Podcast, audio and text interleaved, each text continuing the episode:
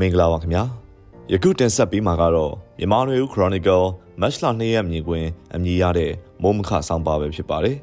ဆောင်းပါခေါင်းစဉ်ကတော့ကချင်းပြည်နယ်ဖားကန်ကအရက်သားကိုဦးတပ်ဖြတ်ခံရမှုပဲဖြစ်ပါတယ်ခင်ဗျာတရင်ပိတ်ဆိုတဲ့ဆွဆွဲချက်နဲ့တဦးချင်းလှုပ်ကြံတပ်ဖြတ်ခံရတာတွေတခါတရံမိသားစုလိုက်နေအိမ်မှာဝင်ရောက်လှုပ်ကြံစဉ်အတူရှိနေတဲ့သူတွေပါတနက်နဲ့ပြစ်ခတ်တပ်ဖြတ်ဖြစ်တဲ့အဖြစ်အပျက်တွေမကြားမကြားဖြစ်ပွားလိရှိရမှာနောက်ဆုံးဖြစ်ပျက်ကတော့ ကချင်ပြည်နယ်ဖားကတ်မြို့နယ်တဲကဂျေးရွာတရွာမှာ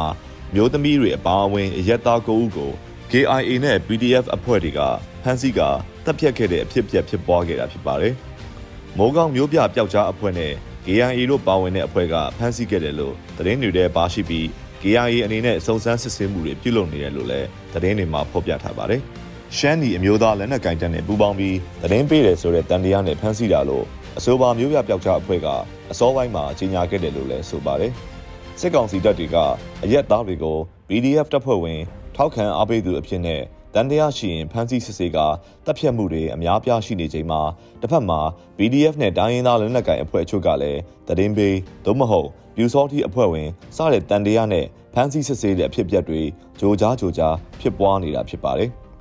ကရင်ပြည်နယ်မှာတရားဆောက်တဲ့လုံသား40ကျော်50နီးပါးဖမ်းဆီးပြီး20ကျော် KNDO လက်နက်ကိုင်အဖွဲ့ကတပ်ဖြတ်ခဲ့တဲ့ဖြစ်ရပ်မကွေးတိုင်းစော PDF တပ်ဖွဲ့ကအရက်သားမိသားစုနဲ့ဧည့်သည်9ဦးအပါအဝင်9ဦးကိုတပ်ဖြတ်ခဲ့တဲ့အဖြစ်အပျက်ကလည်းယမန်နှစ်ကဖြစ်ပွားခဲ့ပါတယ်။တဦးတို့မဟုတ်နှစ်ဦးတပ်ဖြတ်မှုတွေကဒီထက်မကရှိကောင်းရှိနိုင်ပါတယ်။9ယောက်နဲ့အထက်အုပ်စုလိုက်ဖန်စီတပ်ဖြတ်ခံရမှုတွေကတရင်တွေထဲပါရှိနိုင်တာဖြစ်ပြီး တဦးတယောက်တလေဖန်စီတပ်ဖြတ်ခံရတဲ့ဖြစ်ရပ်တွေကတိတ်ပြီးအာယုံစိုက်မခံရတာမျိုးလည်းဖြစ်နိုင်ပါတယ်။အခုလိုဖြစ်ပျက်တွေဘာကြောင့်ဆက်လက်ဖြစ်ပွားနေလဲဆိုတာကိုဒေါ်လာရေးတပ်ဖွဲ့တွေအနေနဲ့ပြန်လည်သုံးသပ်ဖို့လိုနေပြီလို့ယူဆမိပါတယ်။ဒေါ်လာရေးလုပ်နေတာကြပြဆက်နေတာမဟုတ်ဘူးစိတ်ကူးရင်နေတာမဟုတ်ဘူးဆိုတာမျိုးဇောတခတက်တာစတဲ့ရှုထောင့်ကစဉ်းစားပြီးပြောဆိုတာလည်းရှိကောင်းရှိနိုင်ပါတယ်။လက်နက်ကင်ဒေါ်လာရေးဆိုတာနိုင်ငံရေးပါတီတရက်လို့ အရက်ဖက်အဖွဲ့အစည်းလို့စံနှုန်းတွေကိုအပြည့်အဝမလိုက်နာနိုင်ဘူးဆိုတာကိုနားလည်ပြီးမဲ့လေအခုလိုတန်တရားနဲ့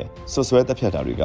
မဖြစ်တဲ့မဖြစ်ထိုက်တဲ့ဖြစ်ရတွေဖြစ်ပါတယ်။အခုဖြစ်ရမတိုင်ခင်အရင်ဖြစ်ပျက်ခဲ့တဲ့အဖြစ်ပျက်တွေကိုစုံစမ်းစစ်ဆေးအရေးယူနိုင်ခဲ့ရင်အဲ့ဒီဖြစ်စဉ်ကနောက်ထပ်အလားတူဖြစ်ရတွေမဖြစ်အောင်ဟန်တားပေးနိုင်လိမ့်မယ်လို့ယူဆပါတယ်။တန်တရားဖြစ်ုံများနဲ့ဖမ်းဆီးတာနှိပ်စက်တာတွေလှုပ်ဆောင်ရင်တစ်ဖက်ကလက်နက်နဲ့ချင်းချောက်ခံရမှုကြောင့်နှိပ်စက်ညှဉ်းပန်းမှုကြောင့် တကားတရံမမှန်ကန်ပေမဲ့နှိပ်စက်မှုကိုမခံနိုင်လို့ဝန်ခံကြလာမျိုးလဲရှိကောင်းရှိနေပါတယ်။ဖမ်းဆီးတဲ့အဖွဲ့အစည်းကတစ်ဖက်တန်တရားရှိသူရဲ့လှုပ်ဆောင်မှုကိုတက်သေးပြနိုင်မှုလိုအပ်တာလည်းဖြစ်ပါတယ်။အကယ်၍သတင်းပေးတယ်ဆိုတာမှကန်ခဲ့လျင်တော့ဘလို့အရေးယူမှုမျိုးတွေလုံးဝလဲဆိုတာထပ်မံစဉ်းစားပြီးဆုံးဖြတ်ချက်ချဖို့လူ့အခွင့်အရေးစံနှုန်းနဲ့ကိုက်ညီတဲ့ဒီမိုကရက်တစ်နီလန်ကျင့်သုံးတဲ့လက်နက်ကိုင်အဖွဲ့တစ်ဖွဲ့ရဲ့ရည်တည်ချက်မျိုးကျင့်ကြံမှုမျိုးဖြစ်ဖို့လိုအပ်တာအမှန်ပဲဖြစ်ပါတယ်။